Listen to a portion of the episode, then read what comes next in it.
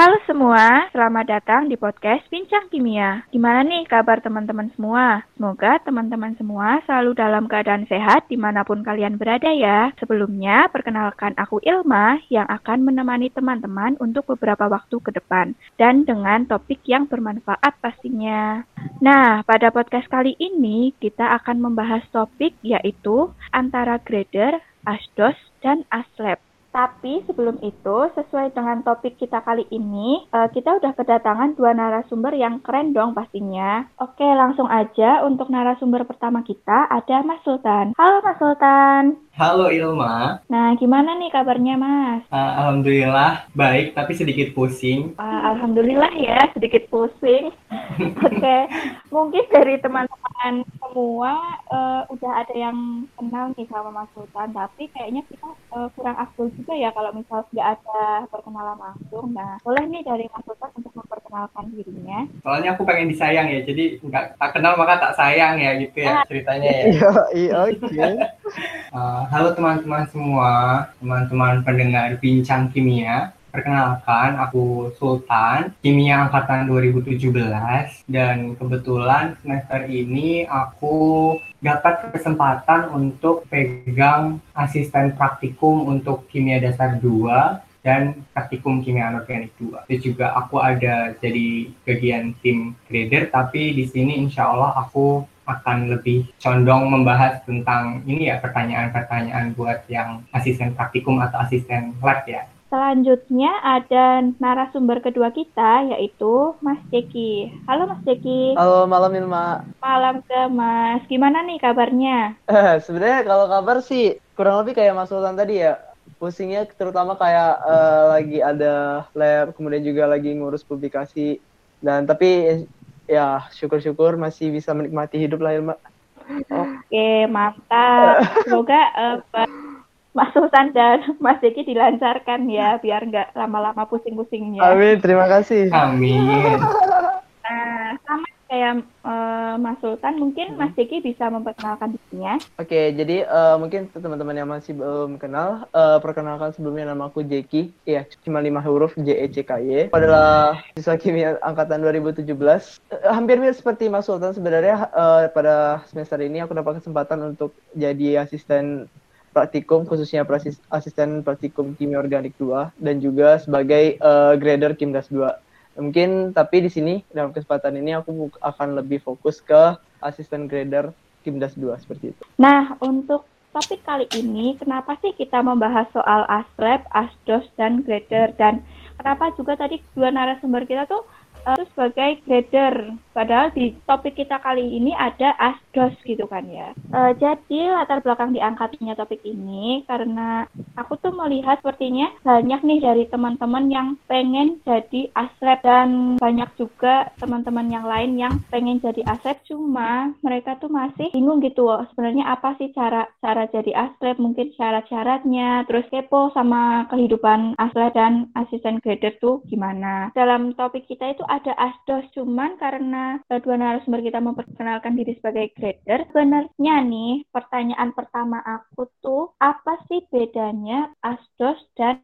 grader? Mungkin berarti dari perwakilan grader tuh Mas Eki bisa menjelaskan. Oke okay. jadi ini sepemahamanku loh ya. Kenapa aku menyebut diriku sebagai grader dan bukan sebagai asdos adalah karena pada dasarnya asdos itu kamu sebagai asisten dosen. Jadi kayak asisten dari do satu dosen tertentu. Nah sedangkan kalau saya Sultan, kemudian Mas Ega, Nadira dan juga Joen itu tuh adalah uh, lebih tepatnya sebagai grader karena kami itu hanya bertanggung jawab pada uh, menilai pekerjaan tugas-tugas teman-teman uh, teman-teman Kimdas 2 dan juga sebagai tutor dari materi-materi yang disampaikan pada mata kuliah Kimdas 2. Jadi bukan sebagai asisten dari satu dosen tertentu. Nah, tapi kalau yang dinamakan sebagai asus itu ya kayak yang bilang awal tadi. Jadi kalian itu sebagai uh, asisten dari satu dosen tertentu. Jadi contohnya kalau kalian uh, pernah kelas sama Pak Jumna gitu, uh, itu ada yang namanya Mas Faris. Nah, Mas Faris itu adalah asisten yang asisten dari Pak Jumina itu. Jadi semisal Pak Jumina sedang berhalangan hadir, kemudian uh, nantinya Asdos itulah yang akan menggantikan tugas Pak Jumina seperti itu kurang lebih. Jadi mungkin kalau teman-teman mendengarkan penjelasan tadi itu mungkin akan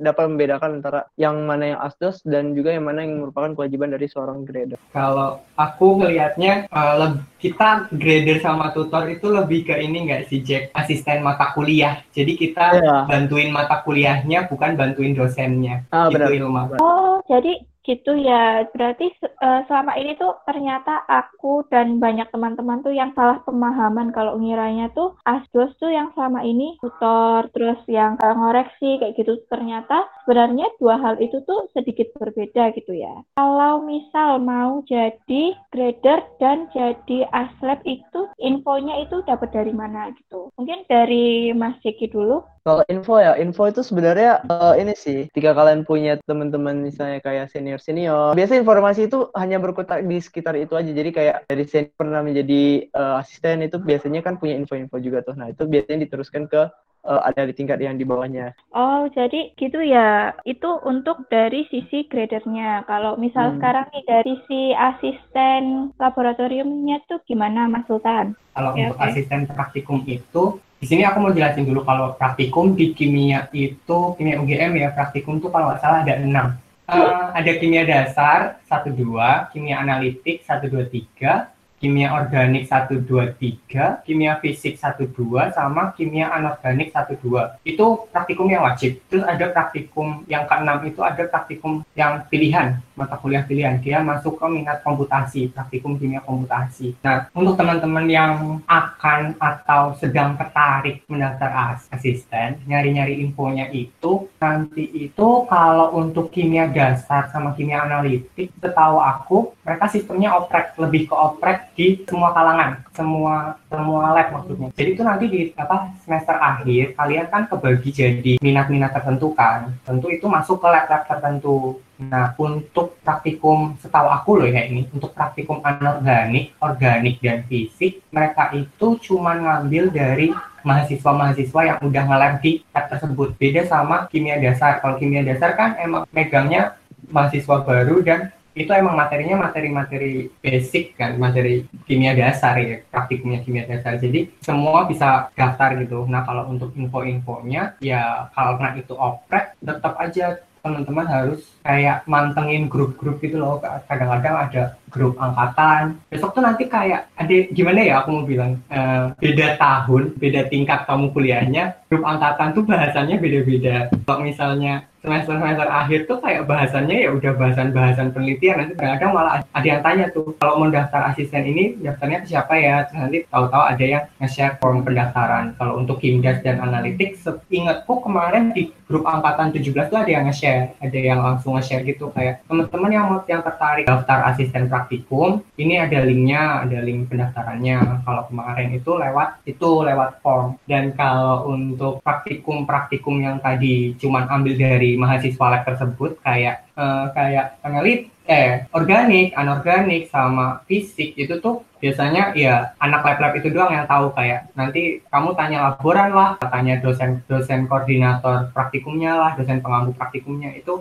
dari situ. Kalau kalau aku ini ya apa cerita langsung ya kalau dari aku kan daftarnya anorganik. Kalau di anorganik itu nanti uh, apa laborannya, laboran anorganik itu ngasih selembar kertas terus kayak kita bisa daftar di situ loh. Kayak list asisten anorganik praktikum anorganik dua. Nanti kita ngisi nama. Nanti nanti dipilih sama dosen pengampu ketahuku kayak gitu. Oke okay, I selanjutnya ini sebenarnya lebih ke pertanyaan pribadi sih. Alasan kenapa Mas Jeki dan Mas Sultan itu mau jadi grader dan asisten praktikum uh, dari Mas Jeki dulu deh. Oke. Okay. uh, kalau alasan aku sih sebenarnya uh, sama sekali bukan terkait dengan ekonomi dan juga sama sekali bukan terkait dengan fame ya. Tapi aku lebih ke kayak aku ngerasa aku lumayan bisa uh, di materi ini. Dan aku ngerasa sangat bagus ketika aku bisa membantu orang lain. Ya aku juga pernah merasakan yang namanya di bawah. Pernah ngerasain yang namanya ketika aku nggak ngerti apa-apa terkait suatu materi. Dan atas dasar pemikiran itu ketika ada orang yang ngebantu, bisa ngebantu kita untuk memahami materi lebih baik itu tuh terus saya bakal bakal sangat membantu gitu loh. Dan ilmu yang udah aku dapat itu akan sia-sia kalau misalnya kayak aku keep untuk diriku sendiri. Ya Allah, aku terharu banget tujuannya sangat mulia ya guys. Kalau dari prinsip aku sih selama aku bisa berguna untuk orang lain tuh membuat hidupku sangat bermakna gitu. Kurang lebih kayak gitu sih. Oke, itu untuk Mas Jeki gitu ya. Hmm. Ingin membuat eh, dirinya ber apa ya bermanfaat untuk orang lain. Oke, kalau misal dari Mas Sultan nih, Sebenarnya aku tuh pengen cari suasana baru, cari kesibukan baru. Dulu tuh ngeliat cutting tuh kayaknya laporan aku dikoreksi nih gitu. Ini dapat koreksinya kayak aku pengen punya kesibukan gitu loh waktu Hmm, di tahun gitu. nambah nambah pengalaman gitu ya. Iya, nambah pengalaman. Satu nambah pengalaman. Oke. Terus juga yang kedua, aku tuh orangnya suka cerita. Nah, tadi kan aku bilang kan kalau kamu masuk tim asisten, nggak tahu kenapa sih sekarang yang tim asisten yang sekarang tim asisten terutama grader ini ya agak nyerempet nyerempet topiknya Jeki yang tim grader itu kan apa ya isinya lima orang ya Jack ada Yoi. Aku, Nadira, Joen, Jeki sama Mas Ega. Berlima itu kayak kita tuh sering ngumpul-ngumpul nggak sih? Sering ngumpul ini, terus koreksi malam-malam bareng-bareng, terus tiba-tiba malam-malam kayak kita ngeliat koreksian yang misalnya tulisannya baca banget tuh nanti kita misu bareng kayak ya ampun ini Ya. kayak minta dia bisa minta tolong bacain nggak itu kayak Hmm. nyari suasana baru dan apa ya temen ngobrol Dari pandanganku ya, kalian ketika menjadi asisten itu kan juga pastinya ada link antara satu asisten dengan asisten yang lain. Nah, yang bikin kalian nanti bakal nyaman ketika kalian jadi asisten adalah ketika kalian bisa kayak bikin keluarga dari asisten itu gitu loh. Jadi kayak ketika satu butuh, yang lain juga sa- saling bantu. Jadi yang bikin nyaman ketika menjadi asisten adalah ketika kalian mendapatkan keluarga seperti itu. Eh, dengan sendirinya gitu tercipta sebuah keluarga baru gitu ya. Heeh. Oke, lanjut Oh nih. iya, aku, Iya. aku mau tambahin, nambahin dari kenapa aku daftar asisten. Kayaknya tadi aku sebut alasan kalau aku itu orangnya suka cerita. Nah, Hmm. sebenarnya kayak ngisi sesi praktikum, ngisi sesi tutor, itu tuh sebenarnya nggak jauh beda sama bercerita. Kalau nge-tutor, kamu ngeceritain kayak kita bahas-bahas soal UTS, gini, cara ngerjainnya kayak gini. Nah, itu tuh sebenarnya kayak cerita. Kayak aku kasih tips-tips lah ke, ke teman-teman kayak, ini cara ngerjainnya tuh kalian ini di sini di, dijelasin, ditunjukin ininya, di- dibahas ininya, jangan jangan ke mana-mana, langsung to the point aja, tapi dikasih penjelasan yang rinci. Terus kalau sesi praktikum ya, nanti jadinya jatuhnya juga kamu cerita, kamu ngelakuin praktikumnya kemarin kan gara-gara kita praktikumnya online ya, itu kayak cerita praktikum yang udah kita coba ke teman-teman yang belum sempat melakukan praktikum langsung di Kimia UGM. Oke, kalau gitu. Terus nih, syarat kalau mau eh, apa daftar jadi asisten grader maupun jadi asisten praktikum. Kayak misal nih, mungkin ada minimal semester kah atau mungkin kalau sebenarnya tuh kalau jujur dari aku, aku tuh pengen jadi asisten praktikum, cuman aku juga penasaran sih kalau jadi asisten praktikum tuh ada nggak sih maupun jadi asisten grader nih ya, ada nggak Hmm. sih minimal eh, nilai kayak itu? Mungkin bisa dari Mas Dik dulu. Oke, jadi kalau untuk grader ya sepengetahuanku, yang paling penting pertama itu kalian nggak untuk mata kuliah yang kalian mau jadi jadi grader itu, itu tuh kalian harus ya setidaknya kalian udah mengu- cukup menguasai. Karena kan di situ kalian posisinya nantinya akan sebagai grader. Dalam artian bahwa kalian itu harus bisa menyampaikan kepada teman-teman mahasiswa apa materi yang disampaikan dalam mata kuliah itu. Jadi kayak kalau aku untuk menjadi grader itu salah satu yang harus kalian persiapkan adalah kalau bisa kalian cukup mengerti akan materi itu. Meskipun ketika nantinya pelaksanaan pelaksanaan proses grader itu ketika kalian akan tutor kalian kan bakal akan bahas eh, soal-soal yang akan kalian bawakan bersama grader-grader yang lain. Nah kalian juga sebenarnya juga bisa belajar dari sana. Cuman ketika kalau misalnya kalian memang tidak menyukai matkul itu dari awal itu tuh bakalan susah gitu loh. Karena ma- kalian akan membawakan ma- matkul itu dalam tutor sebanyak empat kali kalau bisa di Kimdas itu. Dan itu kan dalam jangka waktu satu semester ya. Nah intinya yang pertama kalian pastinya harus at least kalian bisa eh, bisa mengetahui lah konsep-konsep dari mata kuliah itu. Itu yang pertama. Terus yang kedua gak akan mungkin jadi grader ketika kalian mengulang mata kuliah itu. Jadi kan nggak mungkin ya kalian statusnya sebagai pengajar ataupun sebagai sebagai pengajar dan juga sebagai pelajar untuk mata kuliah itu nah jadi kalau penangkapanku untuk menjadi grader itu kalian nilainya juga ya harus lumayan bagus lah maksudnya nggak nggak harus A nggak harus amin gitu tapi setidaknya kalian nggak mengulang lah untuk mata kuliah itu ketika kalian akan menjadi grader Intinya menguasai gitu ya, Mas. Ya, menguasai tapi tidak dalam keadaran yang ketika orang bilang kalian sudah master gitu nggak perlu. Cuman at least Mm-mm. kalian tahu dasar-dasarnya dari mata kuliah itu. Oke, Itu sih. oke.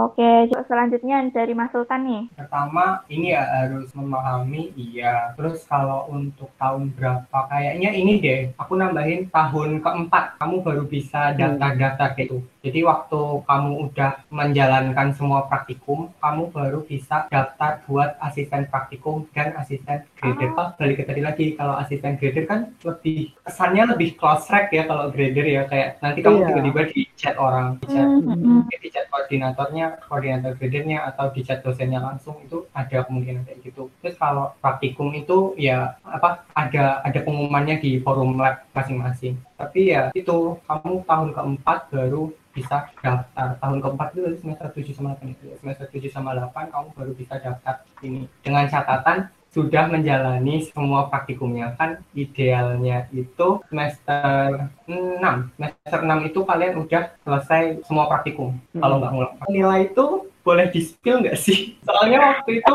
waktu aku ditawarin tim asisten grader itu kayak nawarin ke aku tuh langsung sebut nilai kayak kamu nilai tim dasar satunya berapa nih? Waktu pertama kali aku ditawarin ini ya apa nilai dasar satu kayak langsung ditawarin apa di chat kamu kamu nilainya aku sebut aja ya mungkin teman-teman biar mungkin biar lebih termotivasi buat mungkin uh. mau langsung dari nilai dari sekarang kayak mau kayak oh nilai aku udah cukup nih besok aku kayak tinggal nyari link-link kayak gini networking networking hmm. aja nih gitu hmm. nah, kalau aku di chatnya itu kemarin dengan aku tuh upper B nih kalau di chatnya. Kan kamu nilai Kimda satunya berapa? Ini bu segini kan ya. lebih dari sama dengan upper B enggak terus aku kirimin KHS nya aku terus Mas Iga langsung chat kamu tertarik nggak jadi asisten grader jadi deh aku masuk tim sama Jeki okay. jadi sebenarnya ini harapannya untuk teman-teman yang mendengar skill-skill tentang informasi-informasi ini bukan untuk membuat insecure ya teman-teman, tapi membentuk motivasi kalau emang benar-benar pengen jadi grader maupun jadi asisten praktikum gitu. Oh, oh iya sama ketinggalan. Untuk persyaratan ya balik ke tadi penjelasannya aku yang di awal ya kalau hmm. beda praktikum sama dengan beda lab sama dengan beda ketentuan itu tergantung dosen-dosen pengampunya masing-masing. Jadi segala seleksi syarat persyaratan yang dikumpulkan itu akhirnya nanti juga jatuh ke dosen pengampunya. Jadi ya juga ada faktor tertentu di situ. Oke, okay, siap. Oke, nah sebenarnya tadi tadi ini udah syarat-syaratnya nih. Misal nih, aku udah daftar tuh, terus pastikan yang daftar juga nggak sedikit tuh ya. Misal mungkin uh, lebih dari apa ya kuota yang dibutuhkan gitu. Nah mungkin pastinya ada proses seleksinya gitu. Nah proses seleksinya tuh kayak gimana? Mungkin kalau misal grader tadi kan kayaknya nggak ada tuh ya proses seleksi karena lebih emang ke, uh, dipilih uh, dengan selektif gitu kan ya. Nah uh. mungkin dari asisten praktikum nih ada nggak sih mas seleksi seleksinya itu gimana? Monggo Mas Sultan. Kalau untuk seleksi, pertama seleksinya ini sih minat labnya bagi kayak minat tugas akhirnya. Kalau tugas akhirmu ada di lab anorganik, berarti kamu bisa ngisi praktikum anorganik kimia dasar sama kimia analitik. Semoga waktu kalian teman-teman daftar ini ya, teman-teman daftar apa asisten praktikum kimia analitik, kimia analitik masih terbuka untuk ini ya kalang semua kalangan. Jadi kayak ya kali aja kalian juga tetap pengen nambah pengalaman kan di lab analitik. Untuk seleksi-seleksinya itu aku aku takut menyebarkan info yang salah, tapi setahu aku itu tuh semua seleksi masalah asisten praktikum itu ada di tangan dosen gitu loh. Nggak tahu nggak tahu dosennya milih siapa cepat dia dapat nggak tahu dosennya ngelihat ngelihat berkas-berkas yang kalian kumpulin kayak kamu setor IPK-nya kamu berapa setor KHS-nya kamu terus kayak setor nilai-nilai apa segala macem kamu ada ngelab di mana itu tuh nanti dipilah-pilah juga lah sama dosen. Jadi itu apa ya lebih ke untuk seleksi itu semua akhirnya itu akan ada di tangan dosennya. Pesan dari aku pokoknya kalau misalnya kamu mendaftarkan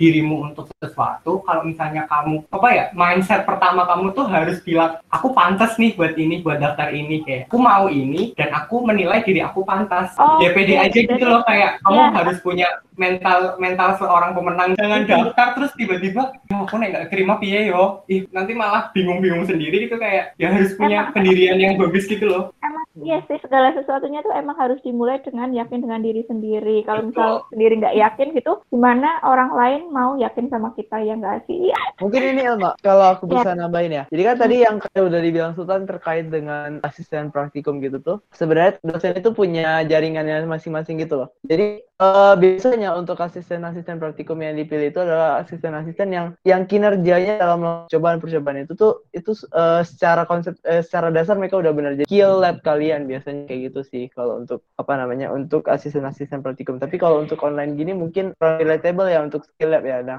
kalau dalam hal online kayak gini ya biasanya sih palingan yang terlihat adalah IPK kemudian juga dari segi praktikum itu nih kalian bagaimana kurang lebih kayak gitu sih penilaian-penilaian dari dosen. Jadi kurang lebih bisa berikan kalian gambaran bahwa apa aja sih yang perlu kalian uh, perhatikan ya kalian pengen uh, jadi asisten praktikum biar chance-nya lebih gede gitu loh. Oke. Okay.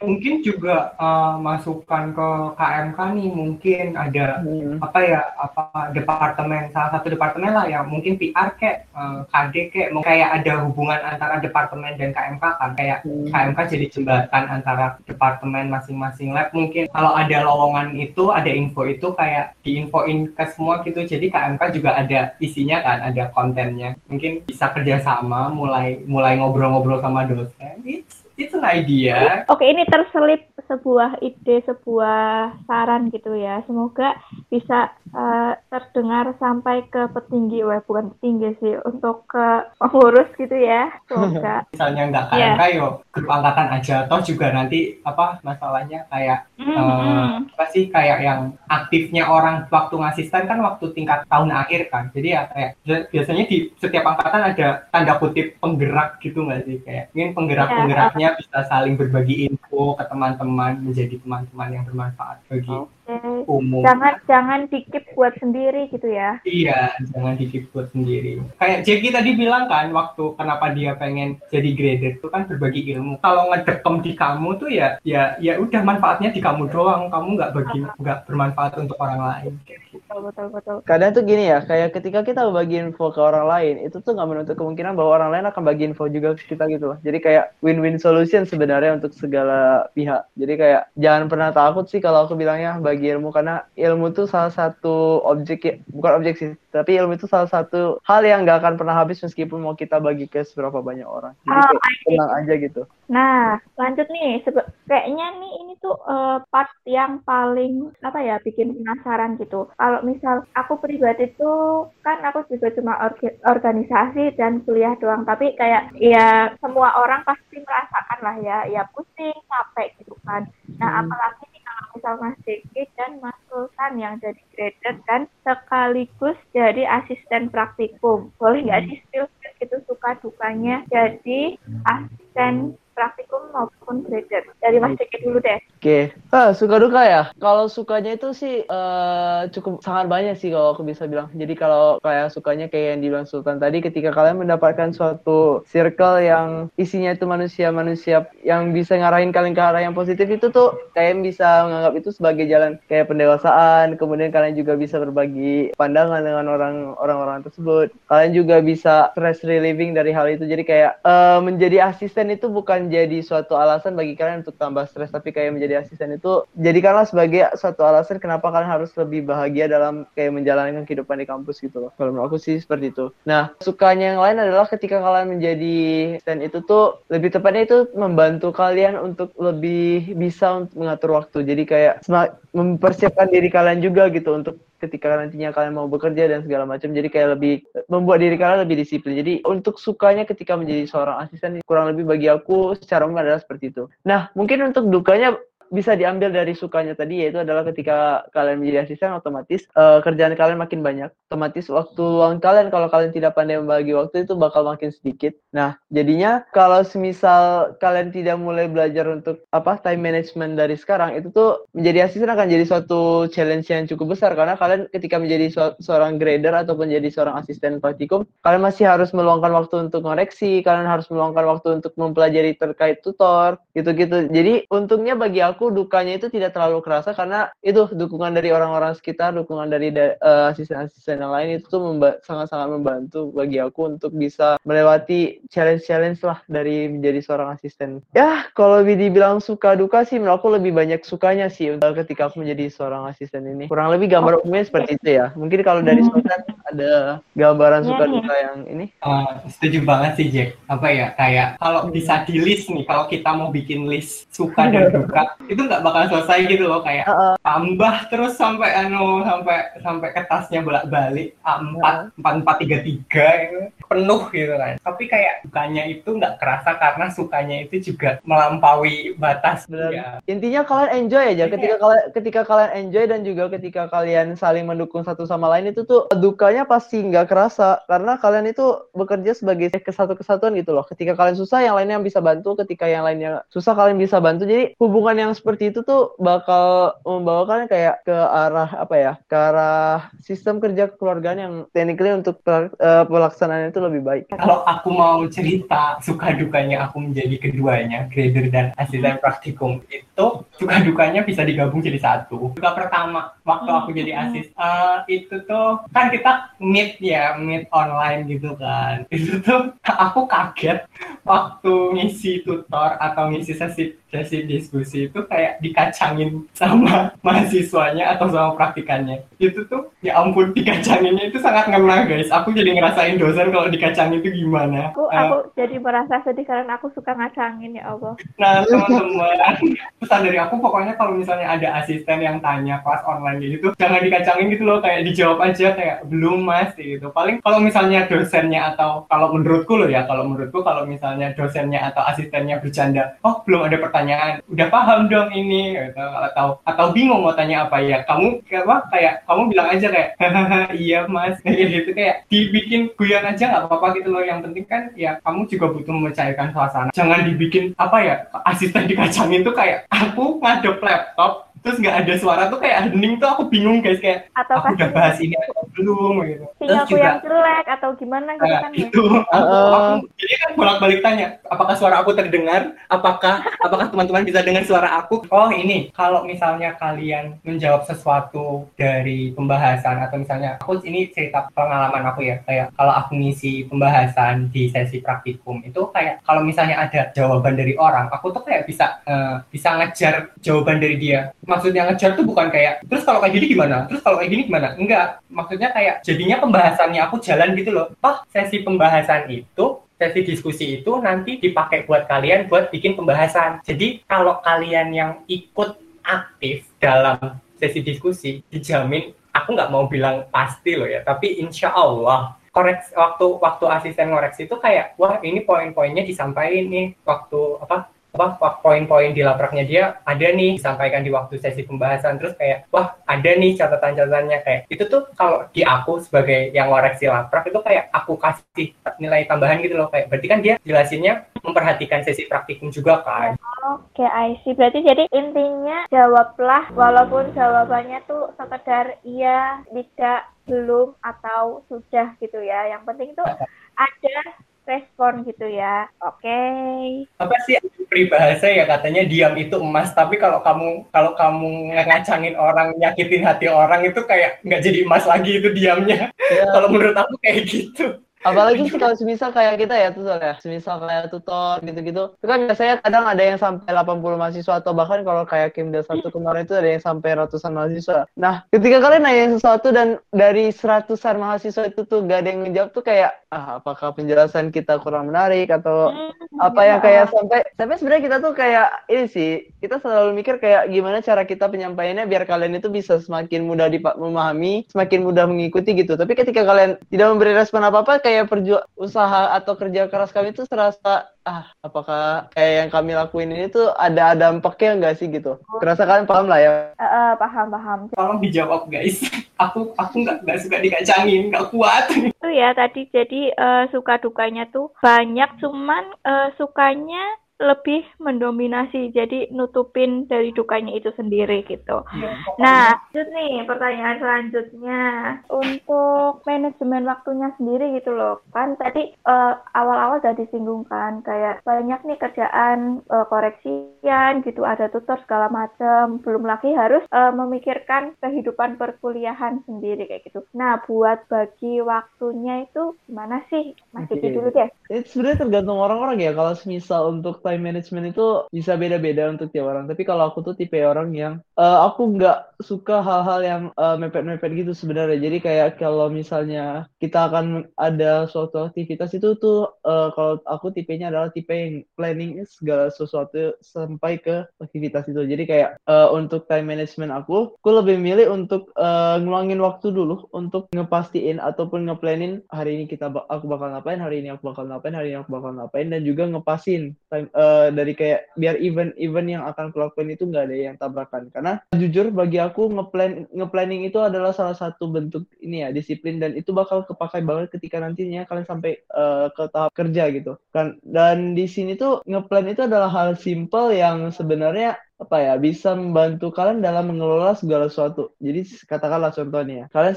uh, contoh kalian sebagai grader otomatis kalian pasti ada uh, jadwal koreksian. Nah di lain sisi kalian juga ada penelitian. Katakanlah kayak kalian kayak kami yang udah mahasiswa tingkat atas, udah ada penelitian harus uh, mulai nulis, kemudian juga mungkin ada uh, jadwal publish paper. Nah itu tuh akan sangat menguntungkan kalau kalian pandai ngatur waktu. Jadi kayak kalau kalian pandai ngeplanning segala sesuatu, ngatur waktunya hari Senin aku bakal uh, nyicil laporan, kemudian hari Selasanya aku bakal nyicil koreksian, hari Rabunya aku bakal uh, nyicil-nyicil untuk publikasi katakanlah seperti itu tuh uh, yang kalian kalian nggak bakal keteteran di satu waktu gitu loh. Jadi kayak kalau aku sih tipenya lebih ke aku lebih mending bekerja konsisten di setiap hari daripada aku harus santai-santai kemudian aku harus keteteran di uh, di suatu hari aku lebih mending yang opsi pertama sih. Karena menurut aku okay. kerja kerja secara mendadak itu tuh hasilnya biasanya uh, agak sedikit kurang dari ekspektasi khususnya aku ya khususnya aku tapi nggak bisa digeneralisir untuk semua orang juga sih sebenarnya iya karena orang setiap orang itu beda ya iya benar oke jadi kalau misal masih gitu uh, kuncinya adalah disiplin yes Oke. Okay. Jujur ya guys, kalau masalah manajemen waktu aku masih belajar sampai sekarang. Hmm. Kalau dari aku, ya nomor satu planning dari jadi benar planning itu sangat penting. Kayak kalau aku tapi planningnya itu nggak sampai per hari gitu loh. Kalau aku nggak tahu ya, aku aku berpegangan kalau aku nggak tahu apa yang akan terjadi di hari itu. Dan kayak kalau misalnya kamu kamu orangnya hidup itu dinamis, selalu berubah, itu tiba-tiba bakal ada kayak janji sama orang apa janji sama orang ini tuh kalau sama aku nasihatnya jangan diiyain dulu sampai kamu bener-bener yakin. Kayak uh, aku mau nemenin kamu ini ya mbak. Misalnya aku sama partner labnya aku kayak uh, besok besok tak bantuin deh ini ini ini. Eh tahu-tahu ada janji sama orang lain. Tuh aku takutnya malah nanti ke partner labnya aku yang malah jadi rusak kan hubungan sama hmm. partner labnya gara-gara aku udah udah janji tapi nggak ditepatin gara-gara ada janji baru lagi. Semuanya itu kalau aku trik dari aku itu semuanya dicatat dulu, dimasukin kalender. Kalian punya kalender di HP, bisa tambahin agenda itu dimasukin semua. Kamu punya agenda apa? Kalau nggak pakai uh, belum pasti, kamu taruh di sticky note apa ya pokoknya ditulis aja aku orangnya gampang lupa jadi tak tulis semuanya hmm. kayak terus juga bisa juga tuh kalau misal masukin alarm gitu ya Ah uh, iya sampai masukin alarm itu kalau misalnya udah urgent banget gitu loh. Kamarnya aku itu ininya dindingnya itu banyak banget sticky notes gitu loh kayak aku aku ada ini sama ini, aku ada keperluan ini, aku harus bayar ini ke sini. Kalau dari aku mungkin aku cuma bisa ngasih trik-triknya aku gitu loh kayak semua dicatat guys, semua semua diingat. Kalau misalnya kamu pelupa, dicatat biar kamu ingat. Biar tempelin tempat yang kamu bisa lihat. Kalau aku sih ini dinding sebelahnya aku. Ini semua hmm. penuh dengan sticky note kalau untuk masalah ngurutin ngurutin apa namanya ngurutin eventnya ngurutin apa sih agenda-agenda kamu kalau aku masih ngelihat dari prioritas tapi prioritas itu menurutku masih bisa berubah. Gak tahu sih mungkin ada orang yang sakit bilang prioritas itu lihat dari deadline-nya prioritas itu lihat dari impact-nya prioritas itu lihat dari apanya. Tapi kalau aku pokoknya cari manajemen waktu yang bikin kamu nyaman gitu. Terus juga kalau misalnya kamu keluar dari keluar dari jalurmu itu jangan jangan keras-keras lah sama dirinya kamu sendiri. Kayak aku tuh pernah kayak aku capek banget aku nggak pengen ngoreksi. Ya udah aku istirahat tidur gitu. Kuncinya itu uh, manajemen waktu yang mem membuat apa ya membuat dirimu tuh paling nyaman itu mau gimana gitu. Yang penting uh, kita nyaman ngelakuinnya gitu ya buat ini Mas Jeki sama Mas Sultan nih selama hmm. jadi uh, trader dan asisten praktikum, apa aja sih feedback yang didapat dari melakukan hal itu gitu loh, maupun misal kayak selain bonus-bonus honorarium, mungkin hmm. ada sertifikat apakah emang benarkah itu ada dapat sertif dari kita asisten praktikum dan grader gitu. Dari grader itu sebenarnya kalau untuk sertif setauku bakal ada uh, dan juga kalau misalnya kita dapat sertif itu kan bakal ini ya ketika kita mau apply job, kalau mau cari kerja, kemudian kita mau ya mau ke misalnya kalau melanjut kuliah ke luar negeri di CV kita tuh ada poin plus gitu loh kita pernah menjadi misalnya katakanlah uh, apa grader untuk satu mata kuliah kemudian kita bisa jadi pernah jadi asisten praktikum itu tuh khususnya untuk S2 kimia itu adalah suatu nilai plus yang sangat besar bagi kalian untuk bisa meningkatkan chance kalian keterima gitu. Sebenarnya selain itu, selain honorarium sama sertifikat yang paling penting adalah pengalaman dari jadi asisten. Karena dari pengalaman itu kalian bisa dapat banyak hal baru dan di itu mulai ini sih mulai terbentuk gitu. Mm -hmm. Sesuai sesuai ini ya, sesuai peribahasa pengalaman itu adalah guru terbaik. Iya, benar benar benar. Apa yang didapat dari perasistenan di kimia UGM itu jelas pertama cerita. Ceritamu itu nanti jadi kayak nambah gitu loh kayak kamu menemukan laprak yang wow itu segala macam rupa laprak kali kamu temukan itu kayak itu cerita. Ini juga itu pengalaman hmm Kamu bisa berbagi pengalaman itu. Kamu terus juga kalau mungkin ini juga bisa salah satu ini ya apa yang kita dapatkan ya cerita podcast mm-hmm. ini kayak kita jadi benar. bisa cerita-cerita apa kayak apa memotivasi. Semoga sih ada temen yang termotivasi ya cek habis ya, dengerin kita. Harapan kita sih gitu ya. Harapan kita sih gitu. Jadi kayak teman-teman bisa lebih ini sih, maksudnya lebih memahami kita tuh ngapain aja dan juga mungkin bisa menjadi suatu ini sih kayak oh mungkin hal yang ini hal yang baik dari Mas Sultan ataupun hal yang bisa ditiru dari Mas Sigit itu bisa diaplikasikan gitu loh. Mungkin bagi teman-teman yang bisa apa namanya yang memerlukan bantuan gitu-gitu. Ya harapan kami sih kurang lebih kayak gitu sih ya. Kita sebagai grader sebagai asisten harapan paling utamanya adalah bis, semoga bisa bantu teman-teman semua. Tuh terus kalau kalau masalah honor honorarium itu masalah bonus lah. Hmm.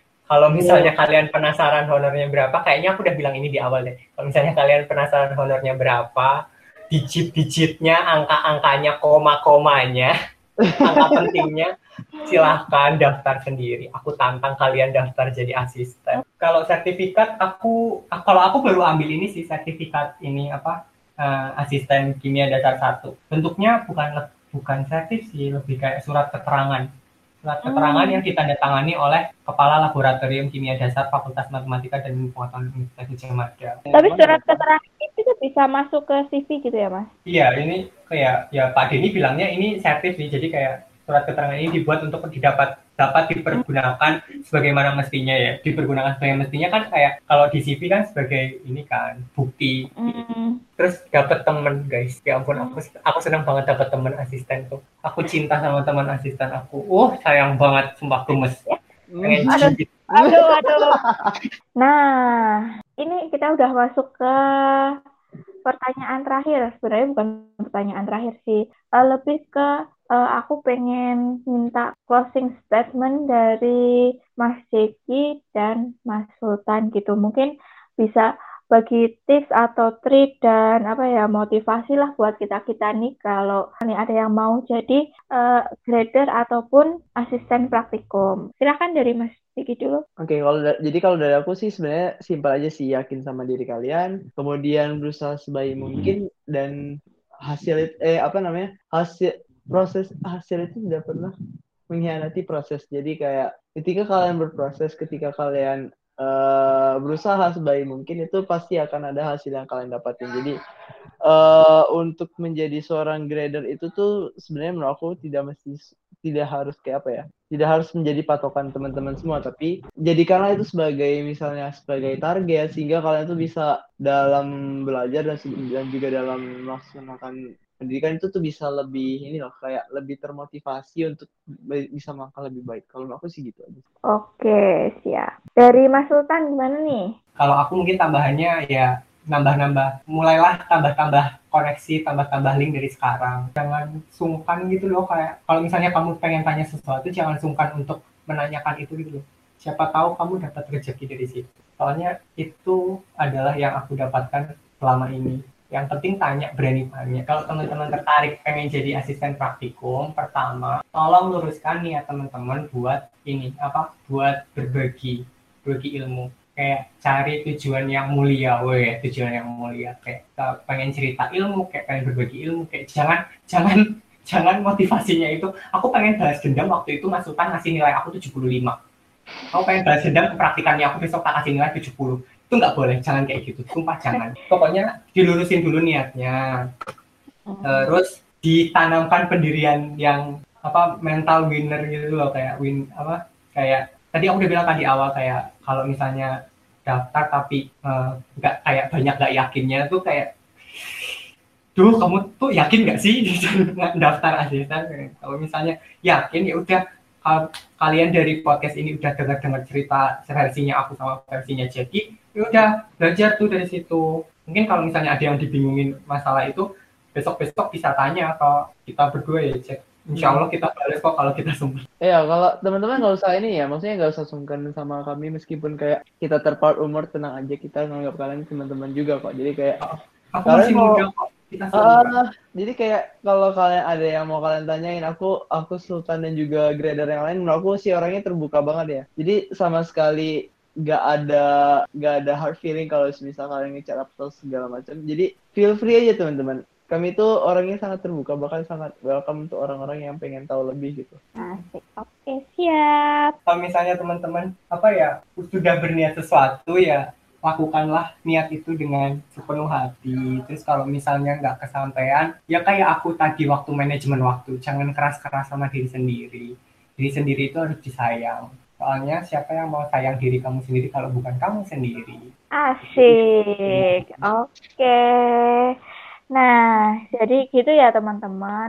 Uh, kuncinya itu kalau kita mau jadi grader dan asisten praktikum kita harus uh, mengumpulkan niat dan harus seniat mungkin memang. Selain itu juga harus uh, mempersiapkan segala sesuatunya tuh secara mantap dan yakin kalau kita tuh bisa. Oke teman-teman, jadi uh, itu ya pembahasan uh, podcast kita kali ini antara grader, asdos, dan aslab. Nah, semoga di topik podcast kita kali ini bisa memberikan informasi dan banyak manfaat untuk teman-teman semua. Uh, sekian dari aku, kurang lebihnya mohon maaf. Sampai jumpa di podcast selanjutnya. Bye-bye.